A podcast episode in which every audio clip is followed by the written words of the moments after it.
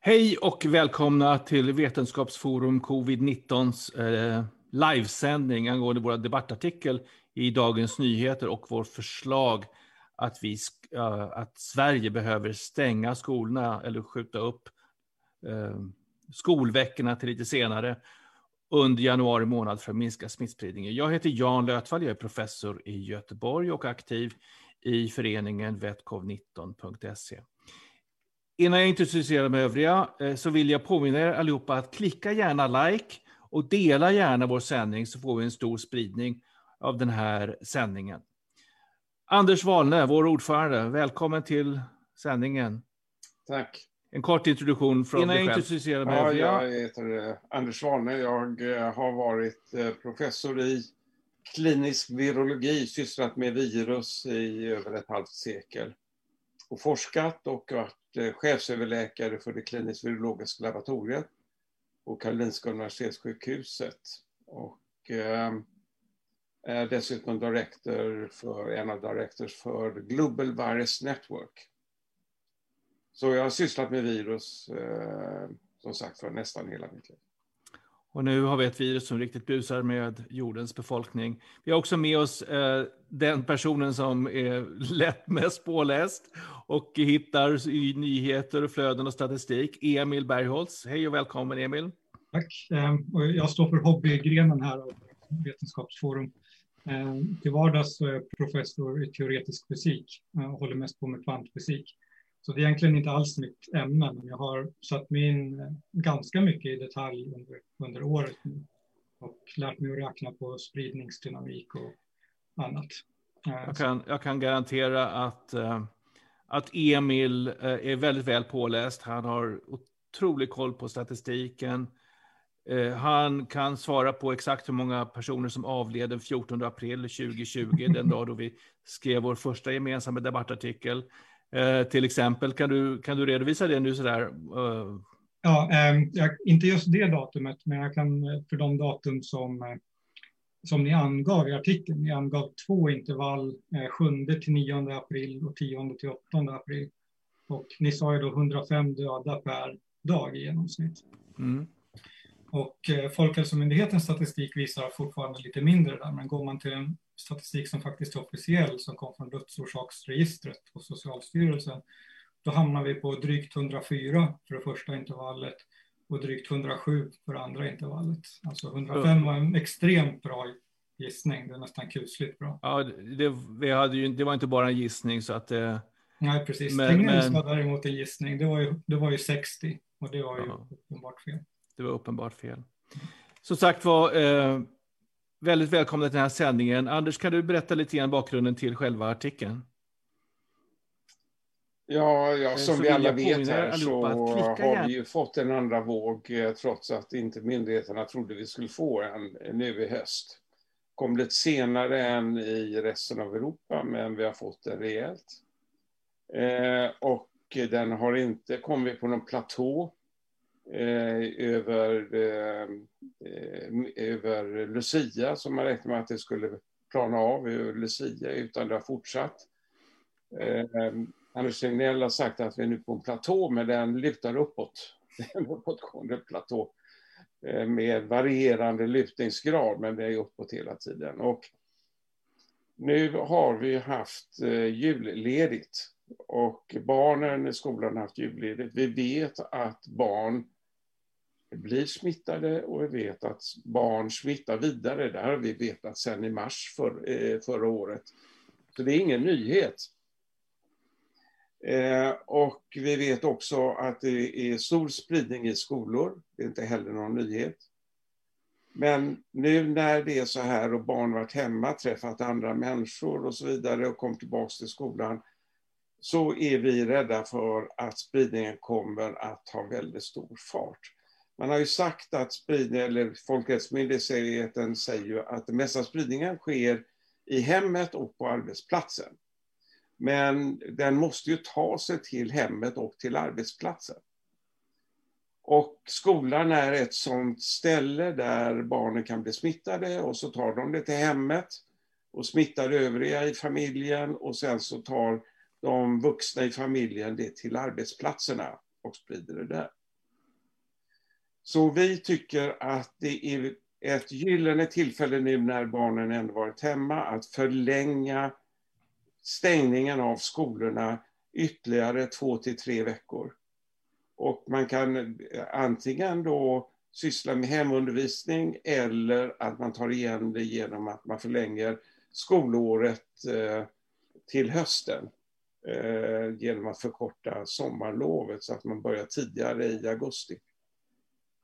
Eh, och helt självklart så är vi medvetna om att det finns eh, föräldrar som har yrken som är viktiga och där de inte kan vara hemma och se till sina barn. Och eh, då kan ju de få lov att gå i skolan. Det blir ju många, många färre i skolan och därmed så blir det ju inte heller så stor smittspridning där och det blir ju dessutom för lärarna inte så stor infektionsrisk. Det är väl i kort ungefär det som vi skriver i artikeln. Ja, precis. Och det, och det, viktiga här är ju att, eh, att vi ska försöka minska smittspridningen så mycket som möjligt. Nu börjar det bli allt och mer allt mer eh, aktuellt med munskydd eh, i olika miljöer i kollektivtrafiken. Visserligen vissa tider, jag hoppas folk är kloka nog att alltid bära sina munskydd när de är i kollektivtrafiken.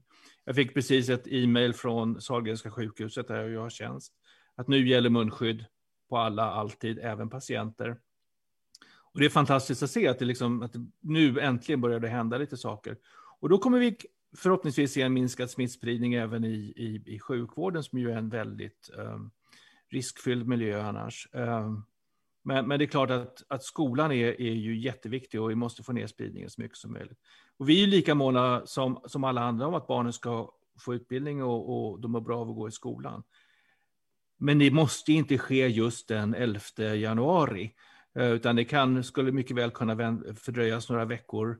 Och eh, eh, som du säger, att man tar lite av påsklov, sportlov, sommarlov för att, för att tillåta, eh, för, att, för att bibehålla längden på, på, på skolåret. Eh, an, eh, Emil, du antydde innan, i, innan vi satte igång sändningen att, att, att smittan kanske minskar lite i Stockholm. Kan du kommentera det? Ja, det är väldigt osäkert. Ehm, det som jag ville påpeka där är att ehm, testningen har i princip eh, halverats mellan vecka 51 och 53. Och eh, antalet fall har gått ner, eh, jag vet inte exakt, men det var väl 20 procent eller något sånt där. Så där tycker jag att det är för tidigt att säga om det fortfarande fortsätter uppåt eller om det börjar bli en riktig platå i dess rätta bemärkelse. Någon mm. stark nedgång är det inte, det kan vi nog utesluta. För, eh, andelen positiva test går fortfarande uppåt ganska kraftigt. Andelen av de som testas? Andelen av de som testas går uppåt. Mm. Men det är klart att det är också en självselekterande effekt där, att det kan vara att de som verkligen är sjukare testas. Så det är för, det är för tidigt att säga. Mm. Jag känner igen de orden lite för mycket. Mm. Uh... Däremot skulle jag vilja påpeka ja. också att att vi som forskare är väldigt medvetna om betydelsen av utbildning och det här är verkligen som en sista nästan desperat åtgärd. Och vi skrev ju en artikel också innan skolstarten i höstas där vi föreslog en massa åtgärder i skolan för att kunna ha den öppen på ett säkert sätt. Tyvärr ignorerades ju de flesta av våra förslag och det är en stor anledning till att vi är just i den här situationen. Mm. Vi måste gå längre helt enkelt för att det inte ska gå helt överstyr. Ja, precis. Vi föreslog att man skulle se till att ventilera i skolsalarna ordentligt. Eh, undvika fulla klasser med mycket folk. Eh, munskydd på barnen är inte rocket science. Det klarar alla länd, eh, barn i många andra länder. De skulle kunna klara det i Sverige, i Sverige också. Jag vill, jag vill säga till alla som lyssnar, som sagt för likea, dela gärna sändningen så att den når ut till fler. Eh, och ställ gärna frågor i chatten på Facebook. Eh, det är lite svårt att scrolla, vi kommer inte hinna eh, svara på alla frågor, men eh, jag har redan lyckats plocka fram en del här som, som jag tänkte ta upp med, med panelen.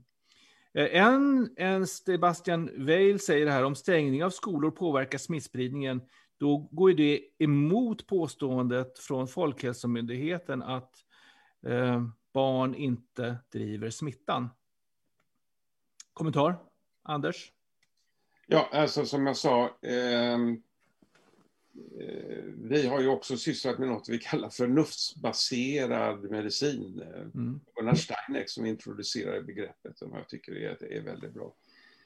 Alltså, som jag sa tidigare att vi visste redan i mars eller till och med i februari att barn blev smittade och att barn utsöndrar väldigt stora mängder virus i de övre luftvägarna, även spädbarn. Och eh, det är helt klart att, eh, att barn smittar vidare. Och det här myten att barn inte smittar, den kom egentligen från WHO som skickade i februari Eh, eh, 20 personer till, eh, till Wuhan, där den första smittan uppträdde i Kina. Av dem var, jag tror 11-12 stycken var kineser också. Och så intervjuade de smittspårare där och så frågade de smittspårare, ja, vet ni om det varit något barn som har drivit smittan någonstans? Och då sa de nej, det kunde de inte er, erinra sig att det var. Och helt självklart är det så att barn åker väldigt sällan på på eh, arbetsresor och, eh, och blir smittade och går sådär, va, utan de går till skolan och går hem igen. Så, och det är väldigt svårt att veta vem som har smittat vem i, i, eh, i, ett, eh, i ett hem. Så de kunde inte säga det säkert och så kommer då de här tillbaka och så säger då WHO, ja barn smittar inte. Vilket ju är ganska befängt. Mm. Därför att varför skulle barn vara så annorlunda? Vi vet ju att eh, då har man sagt att ja, de är små och då så är de inte över knähöjd så smittar de inte för de når inte upp för att smitta, men man har dem i knät och så vidare. Och när vi vet nu att, att eh, smittan sker via aerosol, det är luftburen smitta. Vi vet att minkar som är bra mycket mindre än, än barn eh, smittar vuxna så är det helt självklart att, att barn smittar. Så det där vet vi och, och, vi vet mer och mer om det där. Och vi vet också att eh, som på Folkhälsomyndighetens egen hemsida så står det om utbrott. Och utbrott är när två eller fler har blivit smittade av någon. Så, så sker 45 procent av, av eh, utbrotten på allmän plats i Sverige sker i grundskolan. Så barn smittar och vi har vetat det länge. Och, det, eh, och barn smittar och det finns bevis på Folkhälsomyndighetens egen hemsida att de har data som talar mm. för det.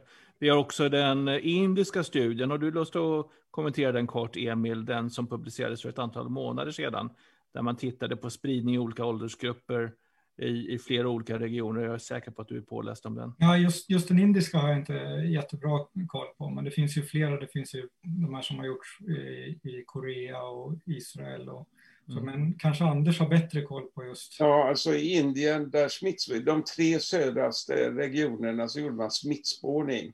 Man smittspårade 85 000 smittade individer. Det är ju ganska enormt. Och man testade 585, tror jag det var, eh, tusen människor. För att se alltså kontakter till de här eh, 85 000 smittade. Och eh, då kunde man se att till att börja med så var det bara cirka 20 procent som smittade vidare. Så lejonparten av de som var smittade, de smittade inte någon mer.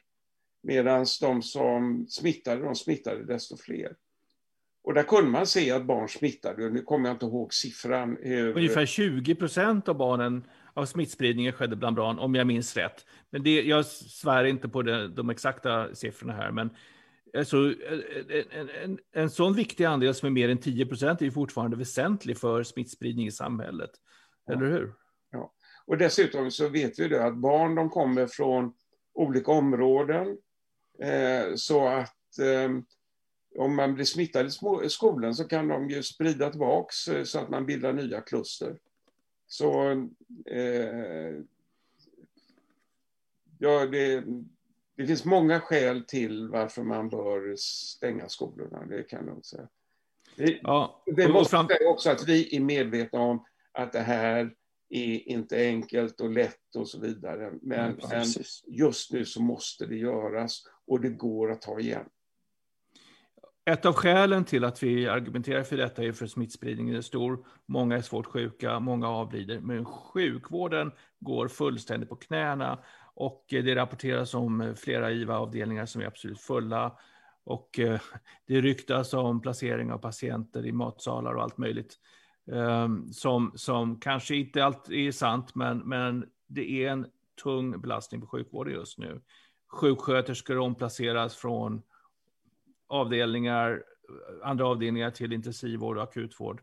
Så att eh, det är klart att vi vill hjälpa sjukvården genom att minska smittan. Vi kommer dessutom få fler lång-covid eh, förstås. Vi får en, en, en, en vårdskuld eh, på grund av det. Och så dessutom annan sjukvård som inte, inte hinns med.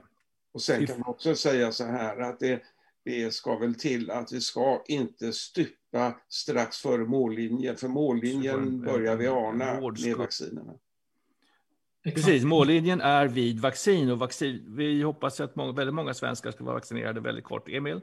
Ja, samtidigt har vi ju de här nya mutationerna från Storbritannien och från Sydafrika som verkar, det finns många olika indikationer på att de smittar sig cirka 50 procent mer. Och när det exponentiellt eh, multipliceras så att säga så, så är det en stor våg som hotar att träffa oss. Det handlar om att köpa tid för tillfället till vaccinen hinner komma. Annars kanske vi kommer i det här Giesecke-scenariot att, att det sköljer över oss. Men det som Giesecke i sådana fall hade helt fel är dödligheten och eh, hur sjukt, hur skadligt viruset är. Det finns inget som talar för att de nya varianterna är min, att ska, ger en mindre allvarlig sjukdom. Eh, I alla fall. Så att eh, det är ett ej att förglömma. Kanske inte finns bevis att det blir svårare sjukdom heller. Men teoretiskt så skulle det till och med kunna vara så att, att man blir sjukare. Det är inte så att, att de här mutationerna dominerar ännu i vårt samhälle. Men om de tar över och eh, det finns en samhällsspridning i Sverige, det finns ett antal fall eh, identifierade med sekvensering, Eh, då, då är det risk för att, att det blir större risk för smittspridning i, eh, i, på arbetsplatser, tra, eh, kollektivtrafik och skolor och så vidare. Så att, det vill vi ju, vill vi ju undvika. En fråga som dyker upp här är ju huruvida vaccinen kommer funka även på de nya varianterna, Anders. Ja, vi får komma ihåg här att Eh, de här varianterna, de är i just det här området där virus binder in till eh, den struktur på celler eh, som gör att virus fastnar på cellen och kan ta sig in i cellen. Men när vi vaccinerar så vaccinerar vi med hela det här spike-proteinet och vi kommer att bilda antikroppar mot stora delar av det här. Så att vi kommer alltid att ha antikroppar som binder till svajproteinet som kommer och hindrar det från att eh, kunna Eh, kunna eh, fästa. Det måste inte sitta exakt på den delen där, eh, där de här mutationerna är. Det enda som jag kan säga, om man tittar eh, rent kemiskt på den, den sydafrikanska varianten så är det en ganska stor förändring. Alltså man har en, en negativt laddad aminosyra som har blivit en positivt laddad aminosyra. Medan de andra mutationerna har varit mer vad vi kallar för konserverade, konservativa mutationer. Det har varit aminos, bytt ut en aminosyra som ser ungefär likadan ut, men som passar lite bättre. Så att eh, den, den, jag är lite oroligare för den sydafrikanska varianten än för den engelska. Det är den, det är den diskussionen som, som man börjar se nu på, mm. på, på internet. Eh, det, det, finns lite frågor här som handlar om huruvida skolor kommer stänga på eget bevåg av rektorer själva eller eh, smittskyddsläkare runt om i landet kanske tar initiativ och stänger skolor lite snabbare än, än man har gjort tidigare. Eh, och det finns också frågor om blir man straffad om man ser till att hålla sina barn hemma nu i januari enligt våra rekommendationer, trots att kanske skolan inte stänger själva. Är det någon som har en kommentar på det? Vi är ju inte jurister, och, och, och... men en kommentar? Jag är inte jurist, men jag såg, eh, det var någon som skickade vidare en sån screenshot eh, på ett brev från om det var socialnämnden eller något sånt där, om att det var, en om de inte skickade sitt barn till skolan så skulle de bli, bli bötfällda. Mm. Så vi, vi, har ju skolplikt. Och mm. det finns dock områden där, där man håller stenhårt på skolplikten. Vi, vi har inte för, för, förskoleplikt. Nu fick jag ett eko här. Det hände någonting. Eh, vi har inte förskoleplikt i alla fall. Så det, det, där har vi någonting att... Hur ser vi på förskolan? Ja, alltså även små barn blir ju smittade och smittar. Så um, kan man så borde man uh, inte släppa iväg barnen till förskolan. De borde också stänga. Maria Meissner frågar här också varför, varför glömmer man bort lärarna? Lärarna är också en del av arbetsmiljön i skolan. Uh, och det är ju viktigt, eller hur? Absolut. Och uh, jag vet inte, när man tittar på de här uh, sammanställningarna av vilka yrken som är farliga och sånt där, alltså, så vad jag har sett så hamnar lärare mitt i på något sätt. Va? Men jag tycker mm. att de att de ändå borde vara något mer utsatta. Nu å andra sidan, jag menar helt klart är att taxichaufförer och sådana, det, de, jag skulle inte vilja vara taxichaufför just nu, det kan de säga. Jag skulle, om jag vore det skulle jag åka med alla fönster öppna. Eh, och munskydd. Och munskydd. Ja. Det finns, finns några saker att säga där om att till exempel taxichaufförer som, var så, som ligger så högt, de är ju väldigt överrepresenterade i Stockholm. Eh, som hade det stora utbrottet i våras. Lärare är ju väldigt mycket mer spridda ut över landet av naturliga skäl. Dessutom, för att komma till den här slutsatsen att, att lärare ligger ganska nära medel, då var man tvungen att ta med gymnasielärare som jag har undervisat på distans eh, under hela våren. Eh, och de siffrorna ser antagligen väldigt annorlunda ut. Och dessutom, tittar man bara på högstadielärare till exempel, så ligger de mycket högre än eh, genomsnittet av yrkesverksamma. Eh, Åsa Hedlund, vi, alltså vi, vi förordar en relativt kort eh, stängning av skolan. Så att man ska kunna öppna igen inom några veckor bara och kunna kompensera det lite senare under året vid andra tillfällen där det är planerat lov. Vilka åtgärder tycker vi att man ska eh, ha eller ta när man så öppnar skolan igen? minskade klasser är ju en sak. Någon mer kommentarer på det? Jag, är nöjd med vår artikel från augusti faktiskt. Eh, mm. Vi hade en lång lista på, på saker som vi föreslog och det finns ju instruktioner från andra länder också. Eh, till exempel Tyskland har väldigt, mm. det är 16 olika stater som har lite olika regler men, men där finns det väldigt väl beskrivet vad, vad man bör göra.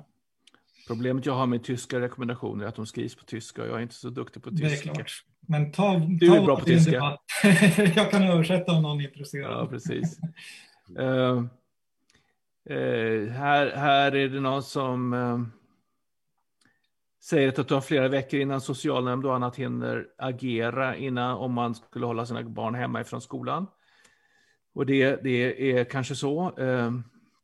Vi hoppas verkligen att eh, både myndigheter och eh, skolor beslutar om att hålla stängt under de nästa veckorna från och med första dagen. Eh, I England har man stängt som sagt var. Men de lät sina barn gå en dag i skolan först. Har du någon kommentar på det, Emil? Du tweetade om det igår. Ja, nej, det, är, det är otroligt klantigt. För att när man, det är precis när man byter om umgänge som man riskerar att sprida det till nya kluster, precis som Anders var inne på i början. Eh, man kan säga hur mycket man vill att man smittar mest hemma. Men det mm. måste ju komma till nya hem till att börja med. Och det får man just via om man till exempel firar jul med familjen eller sin släkt eventuellt. Och sen kommer till skolan, då kommer ju alla de här tillsammans och då öppnas det många nya vägar till nya klusterbildningar. Ja, en, en, sak som jag såg här eh, i flödet och det är att det finns något som heter fritids. Och då blandas barn från många klasser i, i ett och samma rum eller miljö. Och eh, hur ser ni på, på det? Det är ju också en, en ytterligare riskfaktor självklart. Ja, det är en, det är en stor riskfaktor. Eh, det, sen pandemin bröt ut så har vi tagit våra barn ifrån fritids i alla fall. Eh, mm. De har inte gått dit överhuvudtaget. Nu har vi möjligheten till det och det är inte alla som har det. Mm. Men det är klart, desto fler som kan göra det, desto färre barn som blandas ihop i mm. sådana sammanställningar, desto bättre är det. Det kommer en fråga här också. Hur, hur duktiga är vi i Sverige på att identifiera de som har smittats med de nya mutationerna, Anders? Eh, det är inte helt enkelt att göra de här analyserna. Eh, har du någon kommentar på det? Så Anders gick? Ja, Anders försvunnit en stund. Okej. Okay. Men det vi kan säga är att statistiken från Folkhälsomyndigheten är att de har sekvenserar extremt få fall. Jämfört med, jämfört med Danmark så är ju de kanske 50 gånger mer mm. sekvensering. Så att, eh, men vi, vi tror att det fortfarande är så att den dominerar, de mutationerna dominerar smittspridningen i Sverige. Men att det, det är någonting att vara observant på. Och dessutom, det, det, det finns inga snabbtester nu vad jag vet med, eh, för de nya mutationerna. Ehm, så det kan vara ett, ett, ett dilemma. Eh, som sagt var, eh, alla ni som lyssnar, likea, dela så att vi får mer uppmärksamhet på Facebook och syns. Dessutom alla ni som lyssnar och som inte ännu är medlemmar i Vetenskapsforum covid-19, ni är väldigt välkomna att bli medlemmar. Eh, det är lätt att gå till hemsidan och där registrera sig som medlem. Eh, vi har ju ett antal medlemsmöten regelbundet, eh, cirka varannan till var fjärde vecka. Det varierar lite beroende på hur situationen är. Så där, där vi har en direkt dialog med, med medlemmarna. Så att, väldigt välkomna att gå med i Vetenskapsforum covid, covid-19. Sen... Hemsidan, vad den heter? www.vetkov, V-E-T-C-O-V 19.se. Så är rätt, Anders? Ja. Eh, sen kommer det in lite på munskydd här och sådana saker. Det, det, det kommer ju tillbaka gång på gång. Eh, här är det någon stackare som tror att man måste byta munskydd var tionde minut. Det behövs inte. Eh, man märker ganska fort när munskydd blir eh, eh, dåliga och fuktiga och då ska man byta munskydd. Men man, det finns allt, allt mer faktiskt forskning till och med som visar att man kan återanvända munskydd, man kan eh, rengöra munskydd, man kan eh, stoppa in dem i ugnen ett tag, man kan låta dem ligga i solen på sommaren. Eh, några kommentarer på det Anders, du har pratat om den frågan tidigare. Ja, alltså de flesta av oss använder ju de här eh, kirurgiska munskydd man köper på apoteken som är blå på ena sidan och vita på insidan.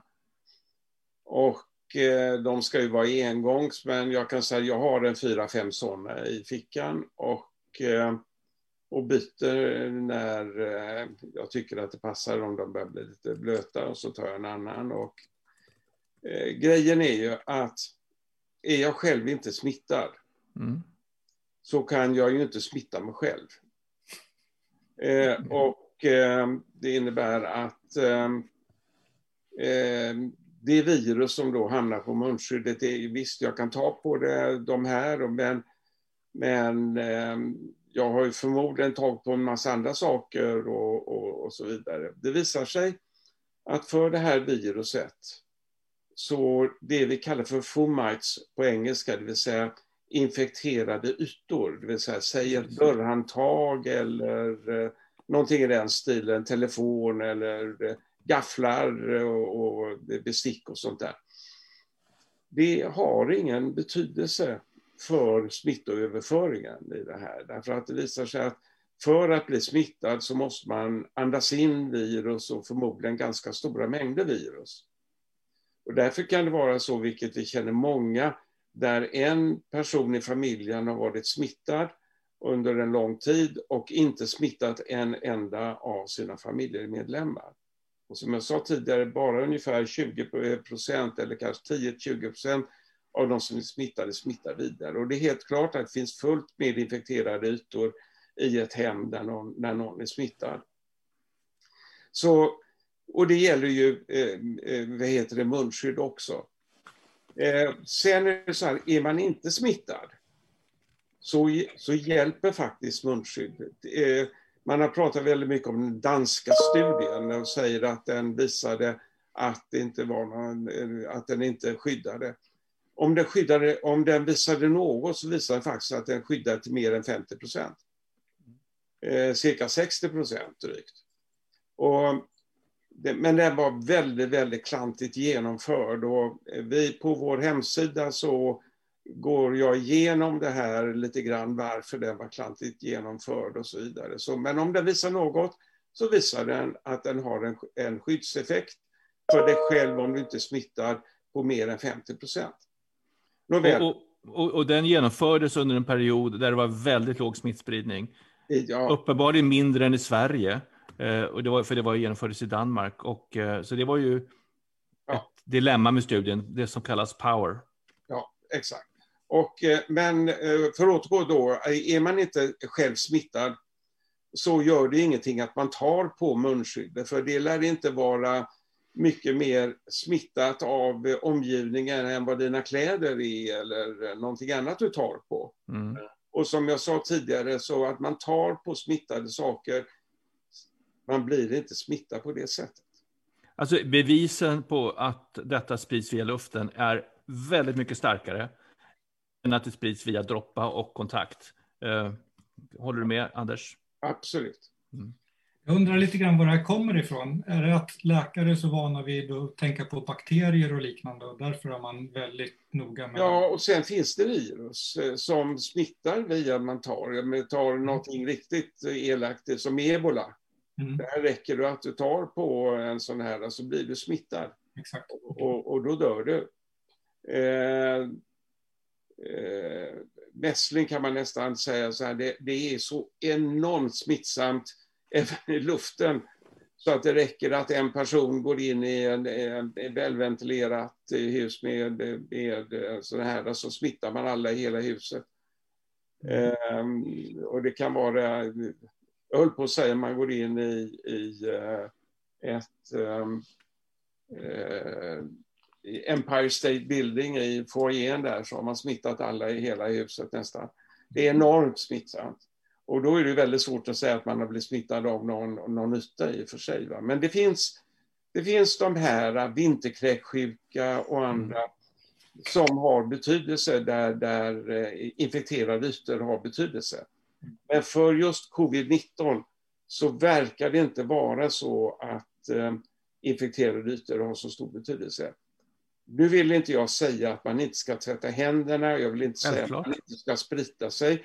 Därför att då slipper man att bli influensa eh, smittad och man slipper eh, vinterkräksjuka. Och det såg vi redan i, i förra vintern, att vi fick väldigt mycket mindre av det här. Så tvätta händerna, sprita händerna. Eh, men just det här med munskydd, hur man handhar munskydden, eh, att man måste göra på ett speciellt sätt, det, det är lite tramsigt. Det är viktigt att man sätter på sig det Eh, när man behöver än att man ska göra det på exakt rätt sätt. I, i våras så stoppade en hel stad eh, smittspridningen i Tyskland, staden Jena, som krävde att folk skulle ha munskydd på sig från en viss dag. Och alla hade det, eller ja, de allra flesta hade det. Och man såg stoppa smittspridningen med omedelbar verkan. En, inte, inte stopp, utan en bromsning av smittspridningen med omedelbar verkan. De hade ju inte hunnit undervisa sin sin befolkning eh, på, på eh, de enstaka dagarna, eller hur? Nej, och vad jag har förstått, jag har inte sett det själv, men på Folkhälsomyndighetens hemsida så har de då eh, en lång föreläsning om hur man ska handha munskydd. Det går att handha munskydd med, det räcker med att man med, med vanligt common sense för att eh, handha ett munskydd. Det, det, är inte rocket science på något sätt. Nej, och de har översatt då problemen med, med resistenta bakterier och ja. munskyddshantering som man vet är ett problem. Och då är det väldigt viktigt att man hanterar munskydden på ett riktigt sätt om man har multiresistenta patienter med sår och så vidare. Och så vidare. Det gäller inte covid-19. Det är ganska enkelt. Sätt på munskyddet, håll det så tätt som möjligt, se till att man andas genom munskyddet och inte via sidorna och inte dra ner det under näsan och sådana saker, så, så fungerar det. Det är inte hundraprocentigt, men det minskar smittspridningen. Ja. Det kommer lite här om särskola och särskilt boende och sådana saker. Och där är det ju svårt med distansering. Har vi några, vi har inte pratat om de frågorna. Vi har skrivit det någon gång vid något tillfälle, har jag för mig. Vi har inte pratat med dem om de frågorna speciellt mycket, men det är ju en viktig grupp som egentligen borde vara högprioriterad för vaccinering också. Förlåt, Det är de i många andra länder. LLC, sådana här eh, särskilda boenden, ja, ja. handikappade, eh, unga vuxna och så vidare. Så vidare. Eh. Där är ju särgymnasiet undantaget för det här distansundervisning eh, på gymnasiet också. Och de är ofta äldre, de eleverna. De kan ju vara 20 plus. Och, ja, precis. Och de, och de ska fortsätta att gå i skolan, har de tänkt? Exakt. Så var det under våren också. Mm. Och om man tänker med dem på Down syndrom till exempel har jag läst att de är ungefär tio gånger så mycket utsatta som de utan Down syndrom. Och en del av dem eh, har också högt eh, body mass index, det vill säga de är relativt sett överviktiga och det vet vi är en riskfaktor för svårare sjukdom. Eh, så att det är någonting, eh, det, vi uppskattar den frågan och vi hoppas att man tänker på att vaccinera dessa ungdomar och deras lärare så fort som möjligt. Eh, sen föreslår ju någon här, vad, vad, är det för åtgärder man ska ta, vad ska, vad ska vi göra åt skolan när vi öppnar igen för att verkligen se till att smittspridningen är minimal i skolan? Några kommentarer på det? Ja, du kan ju dra, eh, Emil, det det hade tidigare. Ja, alltså det med vädring, viktigt luftbur, eftersom det är luftburet. Eh, försöka minska tätheten också. Man skulle kunna försöka ha halvklasser mer om det är möjligt. Och inte blanda, byta klassrum och liknande. Eh, eh, och munskydd naturligtvis. Kanske äta i klassrummet eh, och så vidare. Ja, det finns, det finns många sådana små knep. Eh, Anders? Ja, vi skickade faktiskt ut eh, förslag på, till skolorna. Eh, mm. och, eller till, eh, till kommunerna för hur man borde eh, göra i skolorna. Mm. Eh, och, men det var som sagt var några månader sedan och vi, jag kommer inte ihåg om vi skickade till rektorer också tror jag. Ehm. Det kommer faktiskt en fråga här. Hur kan vi påverka våra barns rektorer och smittskyddsläkare i våra respektive regioner? Har vi något skriftligt material som vi kan dela med oss av, som folk kan använda? Ehm, jag har inte hundra koll på vår hemsida, ehm, får jag skämmas och säga. Men eh, har vi lagt upp dem på hemsidan kan folk använda dem så mycket de vill.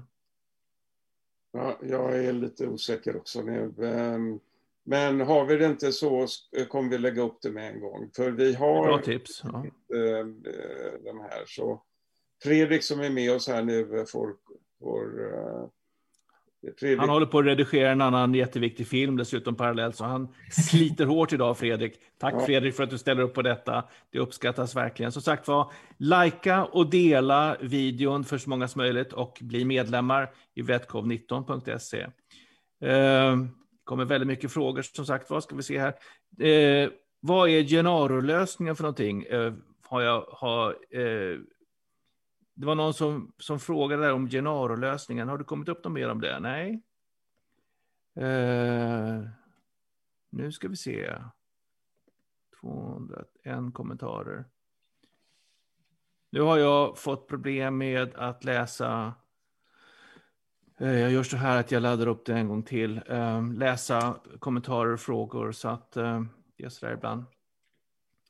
Med Facebook att det krånglar med, eh, med chatten.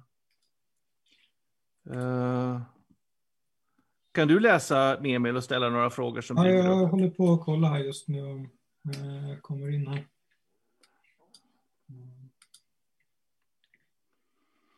Medan vi håller på att titta på detta så vill jag göra reklam för en livesändning som sker imorgon kväll klockan 20.00 med Åsa Wheelock och Johanna Hög bland annat. Eh, som, eh, som eh, kommer diskutera det här med skolfrågorna ytterligare. De har individer som verkligen, verkligen engagerat sig i skolfrågan och som kommer följa upp detta. Som sagt var imorgon kväll på vår kanal. Stay tuned som man säger. Hej Fredrik.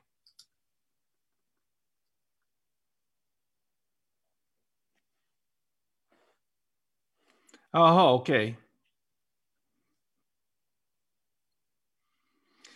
Eh, Okej, okay, jag kan kommentera det här med luftrenare rent generellt. Jag är ju allergiläkare och eh, vi... Eh, det finns väldigt få luftrenare. Det finns många luftrenare som påstår sig minska allergennivåerna i luften hemma, men det är verkligen få som, in, som fungerar på ett effektivt sätt.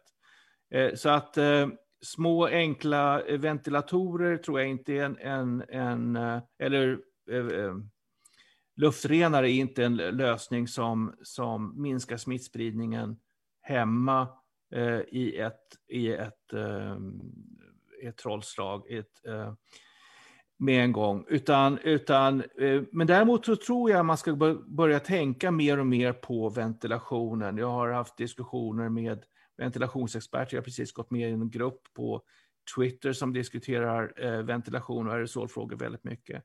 Bara genom att ändra på filtrerna som numera används till exempel i, i, i gallerior så skulle man eh, möjligtvis kunna minska eh, eh, vak, eh, virusmängden i luften högst avsevärt. Vi gör ju så att vi återsänder luft tillbaks i, eh, i, eh, inomhus eh, så att man, man inte bara tar in kallluft och värmer upp det utan man skickar tillbaks normal luft eh, eller återanvänder luft som kommer ifrån lokalerna. Och då, då skulle man kunna ventilera den på ett mer effektivt sätt och kunna få ner eh, virusmängder i luften rent generellt. Och det, det kanske också skulle kunna påverka andra sjukdomar såsom influensa.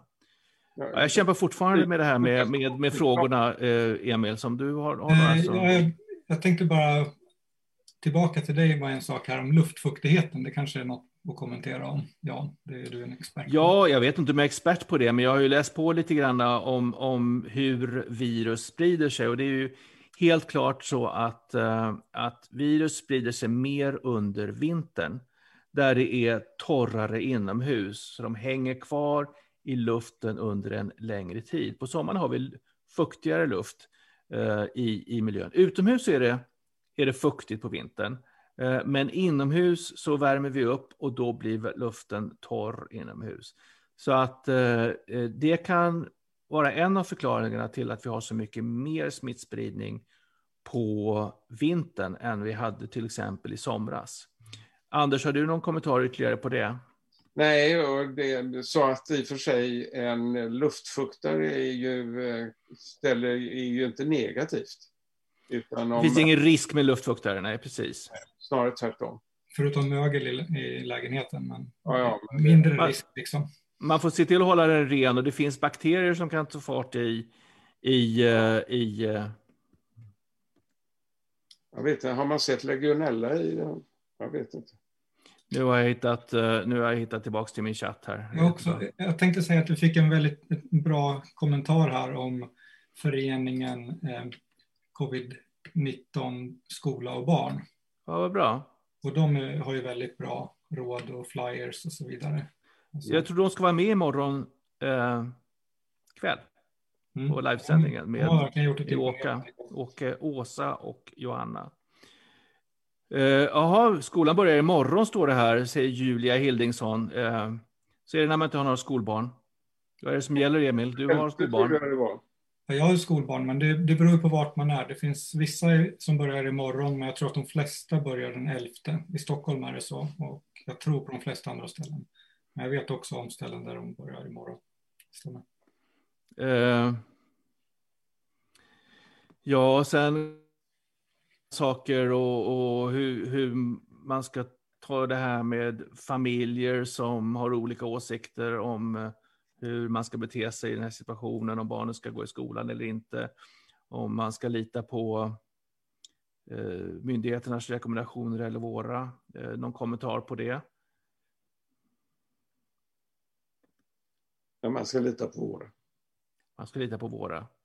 Det är bra. Med andra ord så rekommenderar vi inte att barnen ska gå i, i skolan.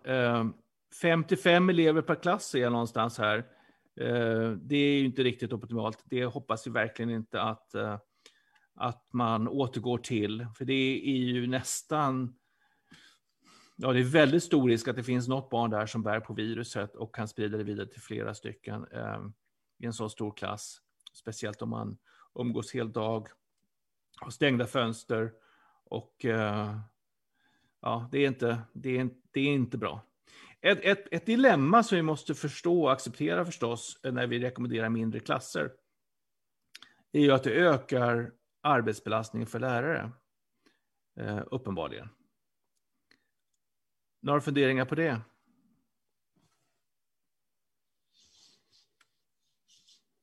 Nej, ja, ja det... Jag menar...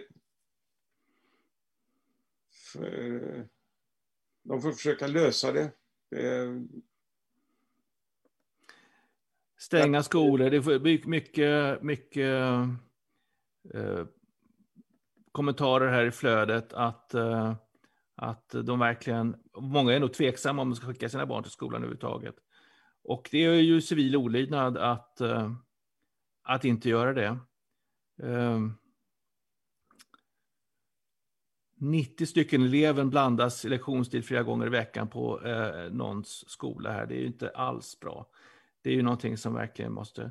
Jag tycker, får jag föreslå en sak? Och det är att eh, alla ni som lyssnar på detta och som har barn eh, i skolan, innan ni skickar barnet till skolan, ta kontakt med rektor, lärare eh, och framförallt rektor då, och fråga vilka eh, riskanalyser har de gjort? Vilka skyddsåtgärder har de gjort? Det pågår en pandemi i Sverige och vi vet att barn även kan bli sjuka. Och eh, jag tycker att varje förälder ska ha rätt att få sådan information från rektorn. Emil, du som har barn i den åldern, mm. Har du sett något sånt från din, er rektor? Jag har pratat mycket med vår rektor och eh, jag måste säga att jag är nöjd. Hon har, hon har gjort vad hon har kunnat. Och mm. Även om inte allting är så offentligt och öppet som jag skulle kunna önska så, så får vi den information som, som vi behöver. Eh, och det har varit många utbrott på skolan och barnens bästa kompisar och lärare och sånt. I princip allihopa har varit sjuka i covid. Och mm. vi har mm. fått information om det. Men det gäller att eh, försöka ha en öppen dialog och jag vet att det inte är lika lyckat överallt. En sak som jag reagerade på i början av det är att det är absurt att det står skyltar överallt när det är luss eller när det är kräksjuka på gång eller vad det än kan handla om. Men så fort det är ett virus som verkligen är farligt, som covid, då är det locket på. Ja, varför är det det? Ja, det... Finns det någon juridisk bakgrund? Ja, alltså Lisa Meijer frågar här, Mejler frågar, kan man kräva öppenhet? Och egentligen ska man kunna göra det, varför kan man inte göra det med, med löss? Och, eh, varför kan man inte göra det med covid om man, om man gör det med huvudlös? Ja, det finns ingen, ingen orsak. Ja, som jag förstår rättsläget så kan man inte kräva att få informationen. Men det finns heller inget eh, problem, inget som förhindrar att man får informationen om mm. smittan finns. Man kan även säga vem som har det till och med om den personen är med på det. Men annars räcker det att säga eh, den här sjukdomen finns på lågstadiet i skolan eller den här avdelningen av skolan. Det är tillräckligt för att få eh, föräldrar att kunna agera utifrån den information som finns.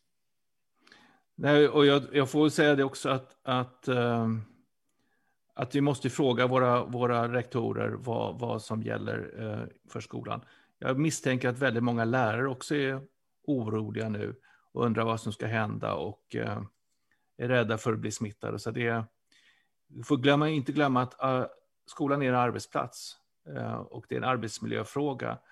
Faktiskt inte en, en fråga för Folkhälsomyndigheten utan en, en, en, folkreda, en fråga kring, kring arbetsmiljön.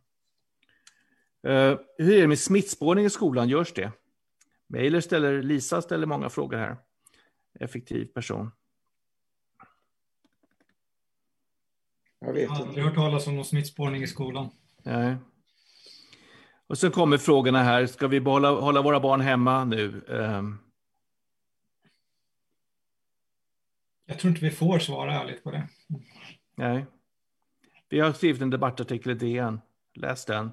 Det är, så, det är exakt så vi tycker. Vad säger ni? Eh, vi har kört i 50 minuter. Eh, vi har haft ett fantastiskt eh, flöde av frågor och eh, väldigt många som har deltagit. Tack snälla för alla, alla ni som har deltagit. Eh, några sista kommentarer, eh, Anders? Nej, inte mer än att ehm, som sagt var, dela gärna eh, det här eh, på Facebook och ehm, gå in på vår hemsida och bli medlemmar.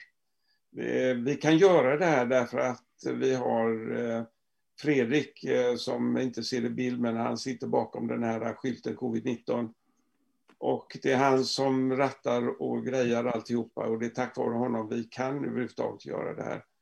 Så um, vi um, behöver fler medlemmar, vi behöver uh, mer pengar till vår förening så att vi kan fortsätta göra det här. Vi själva, vi tar förstås ingenting som helst betalt för det vi gör. Emil? Jag tänkte på det här att i kontakt med skolorna, ni som är föräldrar, kräv information, kräv öppenhet och att de förklarar vad de har gjort för att faktiskt minska spridningen. Är det omöjligt att, att eleverna äter i sina klassrum till exempel? Måste de verkligen blandas i en, i en stor matsal? Eh, går det att öppna fönstren för att vädra igenom? Eh, och så vidare.